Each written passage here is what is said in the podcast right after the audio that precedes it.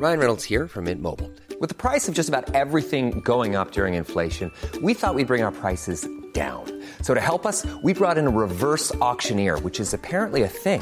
Mint Mobile unlimited premium wireless. Ready to get 30, 30, bit to get 30, bit to get 20, 20, 20, bit to get 20, 20, bit to get 15, 15, 15, 15 just 15 bucks a month. So, Give it a try at mintmobile.com slash switch. $45 upfront for three months plus taxes and fees. Promo for new customers for limited time. Unlimited more than 40 gigabytes per month. Slows. Full terms at mintmobile.com.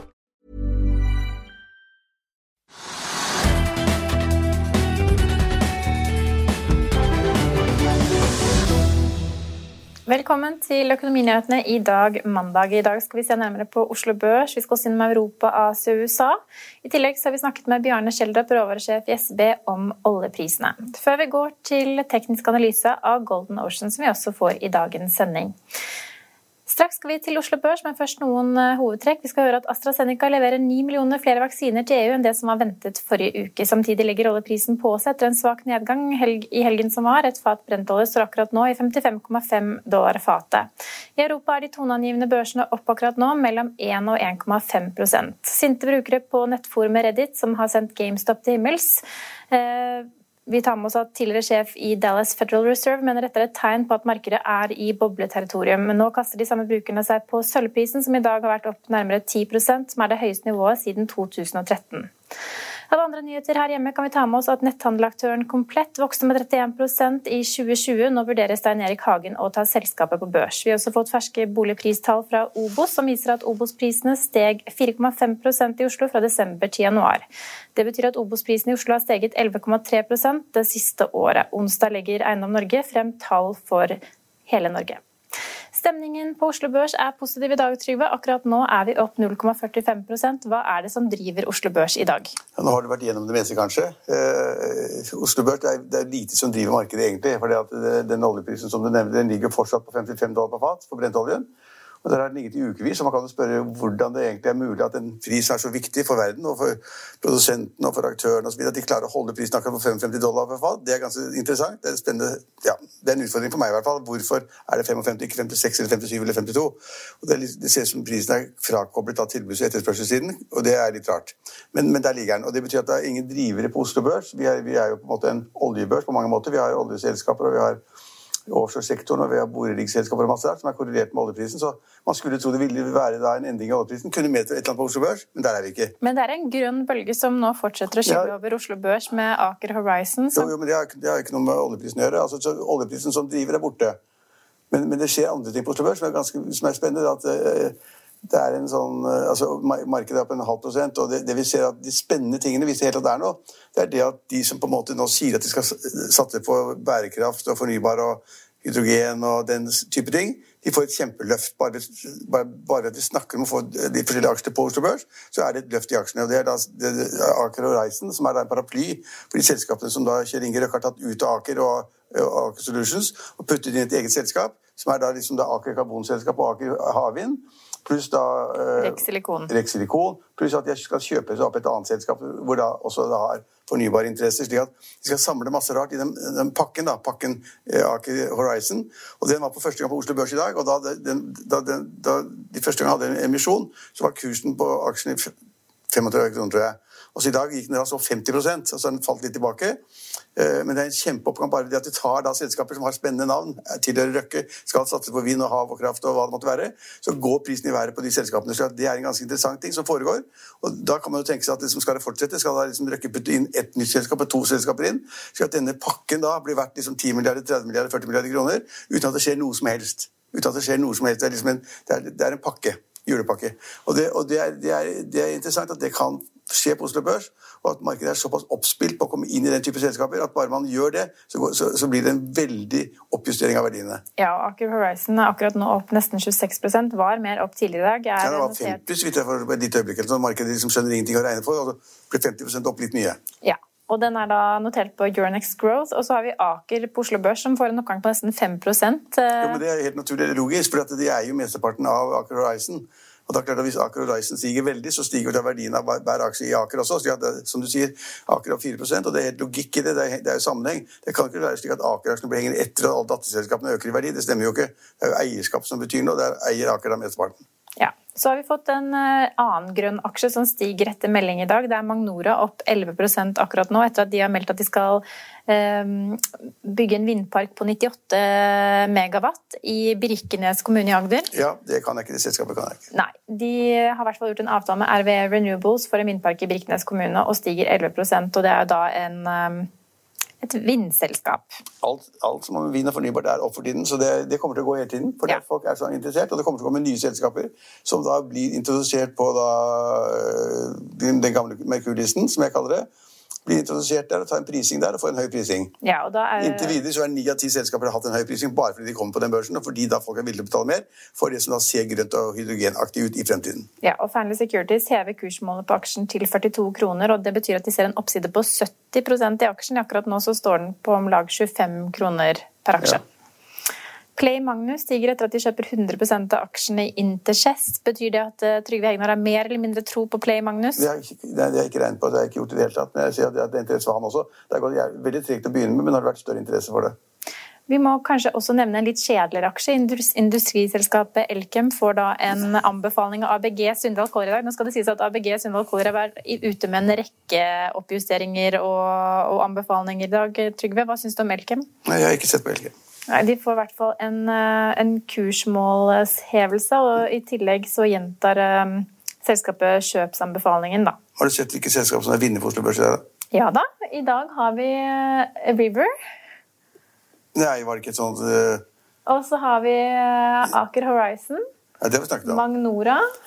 Det- Hva heter, var heter første selskapet kalt? Hva kalte du det? Skal vi se, det er jo da River Tech. Ja. Vet du hva det er? Nei? Ingen andre stort sett heller, men det er vinneren på Oslo Børs, og det er morsomt. For den er opp 25 og Det er et investeringsselskap som jeg aldri har hørt om før, faktisk. Som da sier at de skal da kjøpe selskaper, etablere selskaper og gjøre fornuftige ting med andre selskaper som et oppkjøpsinvesteringsselskap. Og de er opp 25 og spør meg hvorfor, har ikke peiling. Nei.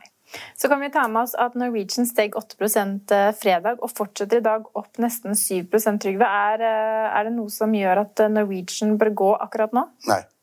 Altså, med de tingene vi har fått, fakta, altså antall altså gjeld som skal konverteres til aksjer, og de som emisjon mot uh, aksjonærer, og mot da uh, de gamle aksjonærene som skal få lov å være med på en emisjon, og antall aksjer de gamle aksjonærene har, og hvor stor prosent andre av selskapet de gamle aksjonærene, altså dagens aksjonærer, skal få etter at man er ferdig med pakken. Ingenting er endret på det. Det vil si at aksjen skal ned i 6-8 kroner, men den stiger steg på fredag, og den stiger i dag. Nå er den over 60 kroner, 2-63 kroner, og det er det ingen grunn til. Så det, De styrer mot undergangen, og det er sikkert noen tredje som syns det er veldig gøy, så er det mange som ikke, kan regne, og så er det litt skummelt. Jeg har også sett på taperlisten, og der er det et selskap, et eh, Øystein Strauss Betalen-selskap som får litt, eh, en, eh, et kraftig fall i dag, ned 10 Horisont Ener- Energi, som gikk på børs forrige uke på Euronex Growth, Ja. og hadde en oppgang på 232% første handledag. Ja, så Det, det var altfor mye, selvfølgelig, og det tror jeg de fleste skjønte. og det, Men der er en korreksjon, og det er helt naturlig. Den korreksjonen burde kanskje vært større, men det er jo anybody's guess. Ja, også Everfuel er ned 8% I tillegg så ser vi blant tungvekterne at Telenor faller som følge av at eh, mobilnettverket i Myanmar er nede, som følge av at hæren i landet har tatt kontroll. Er sjokkerende nyheter i Myanmar. Nei, det, ja, det, altså, det kan jo vi altfor lite om, men det er åpenbart et kupp mot den sittende regjeringen og da den tidligere nobelprisvinneren. Så det er, eh, men altså, hva det betyr for Telenor, og hvor mye de har som er belastet av det, og hvor mye som er stengt ned, det har vi ikke vi i Norge peiling på. Det er bare et kupp, og det er ikke bra i det hele tatt. Der har Telenor åpenbart noen interesser, og da internettgreier har stengt ned masse rart. Ja, så kursen, eller aksjen er ned 1,4. Ja, men det er jo ingen reaksjon i det hele tatt, egentlig. Nei. ABG Sundal Collier, Collier, som da var ute med en rekke aksjeanbefalinger eller nedjusteringer i dag, de sier også at de ser flere skjær i sjøen for tankmarkedet og nedgraderer Hunter Group, DOT Holdings og Okanis Ecotankers. Det er ikke noe nytt for oss, det har vi sagt mange ganger. At tankmarkedet er elendig, det blir bare dårligere. Nesten utrolig, det er nesten negative rater for skipene. Så tank, tankmarkedet er helt råttent, og ingen vet når det kommer tilbake. Det kommer sikkert tilbake en gang, men det er veldig dårlig, det markedet. Og det betyr at, det betyr at, at selskapene ikke tjener penger, og det betyr også at verdien på skivene man har, går ned. Men kan man ikke se for seg nå som eh, det kommer flere AstraZeneca-vaksiner til Europa, og vaksineringen kanskje får fart på seg, og vi får en gjenåpning av samfunnet, kanskje hvis vi er heldige i andre halvår, vil ikke det være positivt for tankmarkedet? Hvis det er positivt, så er det allerede diskontert i kursene. Det vil si at det har folk tenkt seg at vil komme til å skje. og Det er derfor de har villet betale den prisen for aksjen som er i dag. Så det, altså det vil jeg ikke tillegge noen vekt. Det er klart at Hvis verden snur, snur, om, hvis det blir aktivitet overalt, hvis den økonomiske aktiviteten øker, hvis det blir bla, bla, bla, så vil det ha noe å si for da kanskje oljeforbruket verden over. Og da vil man kanskje ha behov for mer tvangsskip til å frakte oljen, men vi er ikke der i nærheten ennå. Foreløpig driver landet og stenger ned. Altså Folk blir vaksinert, ja, i USA, i Storbritannia, i andre land, i Norge, men det er altfor lite foreløpig. Innledningsvis så hørte vi at Obos-prisene fortsetter opp, 4,5% i Oslo for januar. Og på onsdag så får vi boligpristallene for hele Norge fra Eiendom Norge. Hva tenker du om boligpristoget? Nei, altså de prisene var jo ventet. Altså dette er jo da, altså I Oslo så er det 4,5% og på landsbasis så er det 4,2 eller noe sånt nå. Og, på, det siste året så er da Obos-prisen opp 11% eller sånt. I Oslo så er det bitte litt mindre på resten av landet. Nei, men Det er for få boliger. Altså Særlig i Oslo er det for få boliger, og derfor går prisene opp.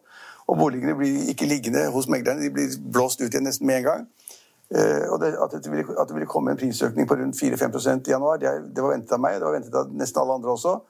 Uh, og når da, uh, når da de, øvrige, altså de øvrige prisene kommer da, som du sier, på onsdag, så vil da prisveksten for disse også, Obos er en liten del i forhold til totalmarkedet, så vil da det er rimelig sikkert at prisene der i snitt vil også ha steget 4-5% eller kanskje mer. Og Det er da veldig mange bekymret for. Det er ikke jeg, altså Dette er forventet. og Det, er, det som virkelig, virkelig, kan få fart på boligbyggingen, er jo det at prisene stiger. At de som bygger, tjener mer penger.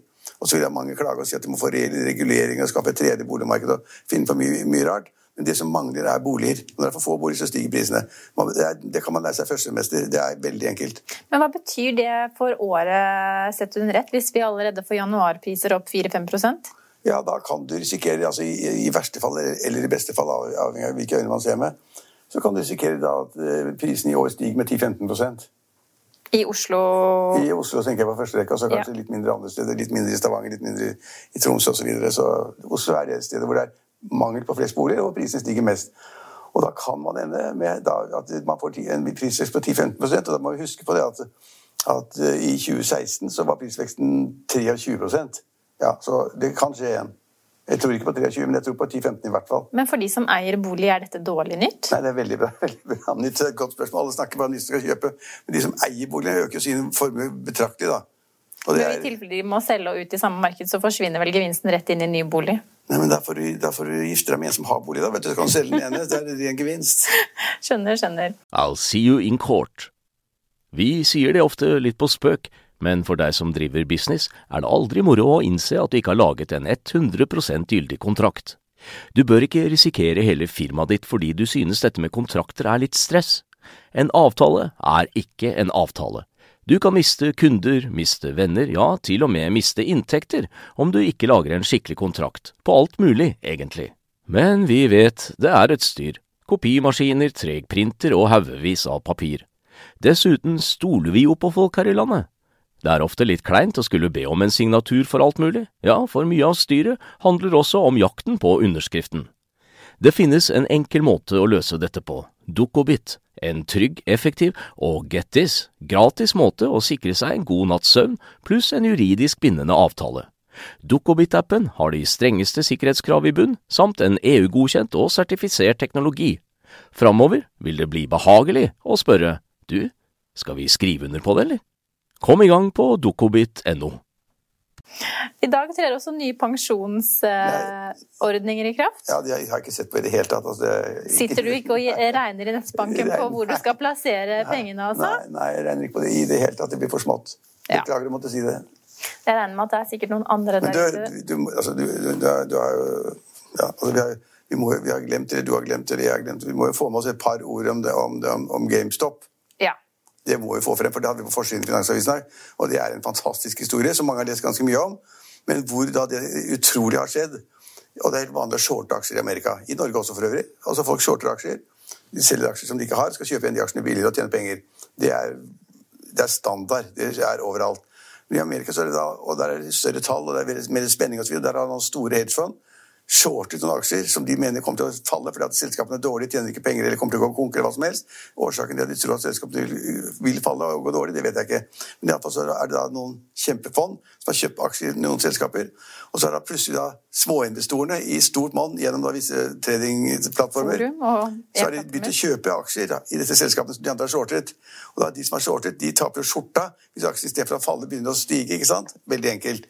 Og det har skjedd. Og da er det, det selskapet vi snakket om nå, de er da liksom opp 100% ned 90% opp 70% osv. Og var vel på et tidspunkt opp 400% Ja, De som hadde kjøpt aksjen, de, hvis de hadde solgt etter hvert eller solgt på toppen, så hadde de tjent masse penger. I, samtidig har de da på en måte tatt gevinsten fra de store, mektige eierfondene. Og det er det masse diskusjon om. og der er det da, sies det da, du var så vidt inne på til å begynne med, at, at disse småaksjonærene, som på en, eller annen måte er litt forbundet, men det er ikke, det er ikke ett selskap, det liksom, de, de handler hver for seg. Når tusenvis av, av, av, av småaksjonærer tenker det samme, eller blir stimulert til å kjøpe via sosiale medier, så kan de drive opp prisen på hva som helst. Hvis du plutselig kaster liksom 100 milliarder eller 500 milliarder kroner inn og kjøper gull eller sølv eller aksjer, så får du kursen til å stige. og Nå sier de at de også har prøvd å gjøre det samme på sølv. og De sier at noen har shortet selskaper som har med sølv å gjøre, veldig mye, fordi sånn sølv skal falle. Så kjøper de og vrister prisen opp, og prisen har vært opp 20% og Dermed så går de eh, tapper de buksa, de som da har shortet, og de som da har kjøpt aksjene opp, de vinner. Men hvis da plutselig hele spillet går ut, så vil jo da den, den, aksjen falle. Hvis det er et dårlig selskap. Og hvor langt den faller, vet man ikke. Men det er en kjempemorsom ting som foregår i markedene, og det lærer man masse av. Ja, når du sier sosiale medier og forum, dette er Reddit-brukere, et, et, forum hvor, hvor, brukere har samlet seg og selvfølgelig diskutert denne aksjen og kommet frem til at eh, den skal handles. Men det er jo ikke veldig ulikt det Arne Fredrik fortalte oss når han var gjest hos oss på nyttårssendingen, at det var en tysk blogger som skrev positive analyser om Nell og en rekke andre fornybare aksjer. Ja, men det er, det er han er bare da en, altså han skriver, det er en, en journalist eller redaktør i et blad som skriver da om selskapet som Eller på en uavhengig blogg? Ja. ja som er en, som er en, han er, den han er, han lov å skrive hva han vil, og råde til hva han vil, og kritisere det han vil, og rose det han vil. Men han, han driver ikke og kjøper aksjer. Han har ikke masse følgere som kjøper aksjer for å gå imot shorterne. Nei. Det vi ser i USA, er et spill mot shorterne. Og det er litt morsomt altså, si at De har så mye penger at de tåler å tape, men det er ikke noe gøy hvis da noen som shorter aksjer fordi de mener at selskapet faktisk er dårlig og kommer til å synke kurs. Og så da samler man seg og tenker nå kjører vi kursen opp i stedet for, og så går short, shorterne i bare. Og Det sies at de har tapt enorme summer. Men litt senere i sendingen så skal vi se at uh, noen peker på at nettopp eh, denne, denne, dette eksempelet med GameStop og nå sølvprisen er et tegn på at vi nå er inne i et boblemarked. Kanskje. Det er mange som har hevdet det lenge. Prisene er, altså Aksjene er høyt priset både i USA og i Norge og overalt, og det har vært all time high-kurser hele veien.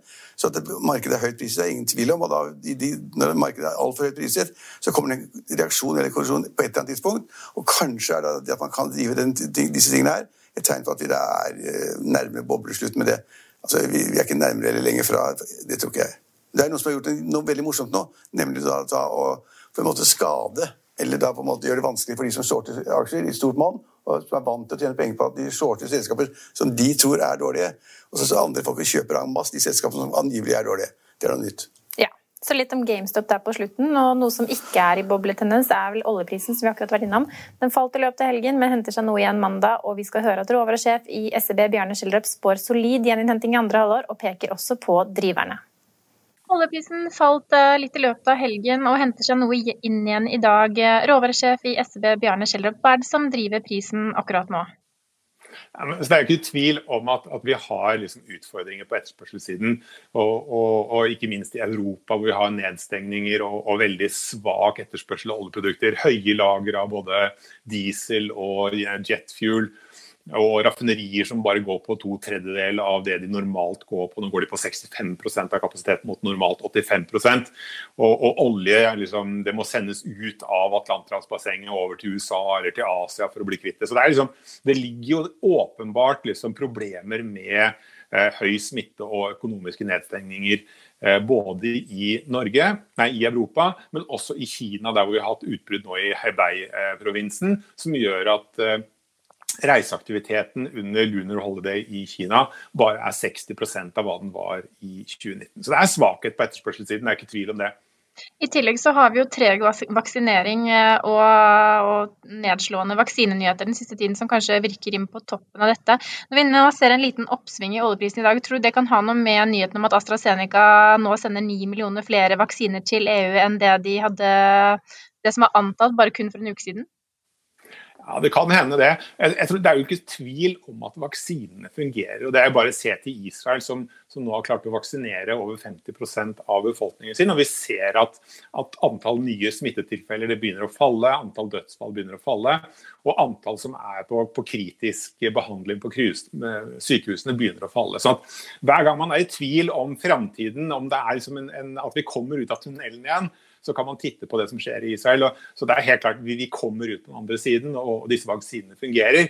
Ja, det går litt treigt, det går litt treigere enn en ønsket, men, men, men, eh, vaksinene ruller ut. Eh, og det er mer sånn eh, smårufs i maskineriet. Og det kanskje forlenger situasjonen med en måned eller to i forhold til det man hadde håpet tidligere. Men, men vi, vi kommer dit. Du skriver i en første rapport i dag at du mener gjeninnhentingen i andre halvår ser mer oppløftende ut. Hva, hva, er det som skal drive en slik gjeninnhenting på, i oljeprisen? Nei, altså Oppskriften på et bullrally i uh, oljen eh, for andre halvår er egentlig ganske såre enkel.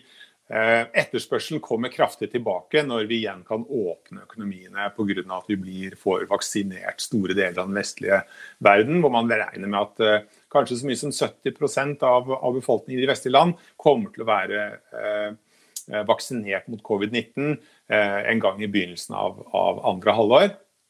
Det er klart, da, da, drar jo aktiviteten i gang igjen, og oljespørselen likeså. Og så ser vi at, at eh, Saudi-Arabia er mer enn villig til å holde tilbake produksjon hvis det trengs.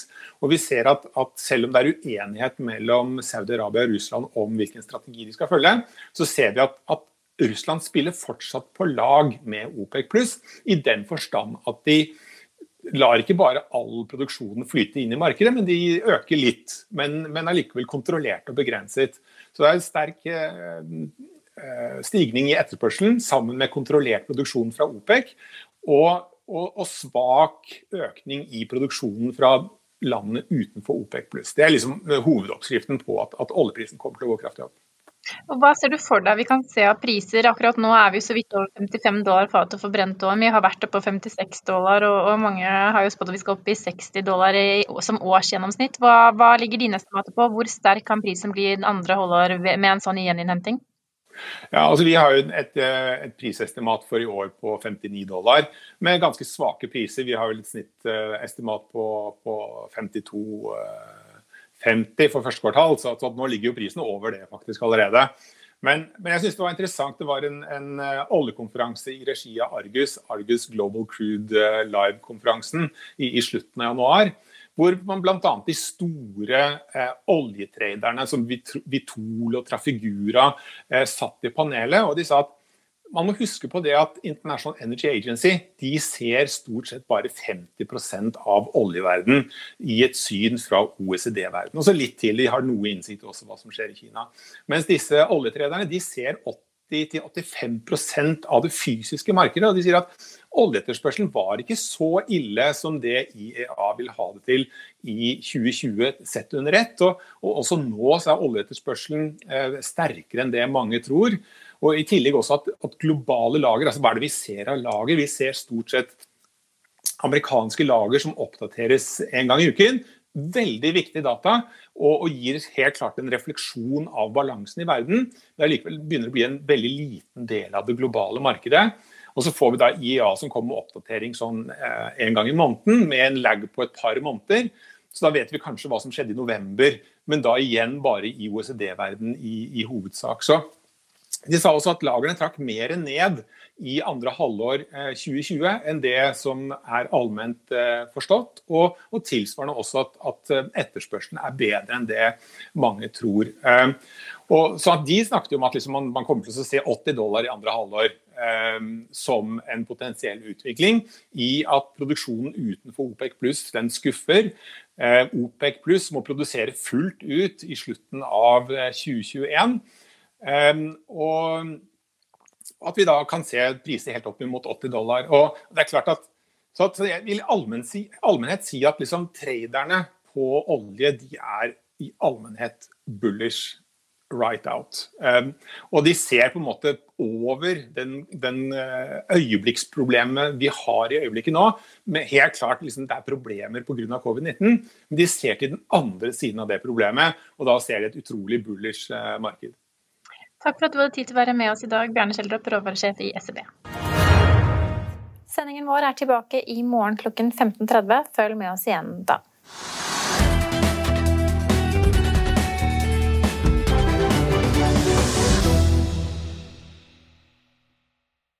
Økonominyhetene er en podkast fra Finansavisen. Programledere er Marius Lorentzen, Stein Ove Haugen og Benedikte Storm Bamvik. Produsenter er Lars Brenden Skram og Bashar Johar. Og ansvarlig redaktør er Trygve Hegnar.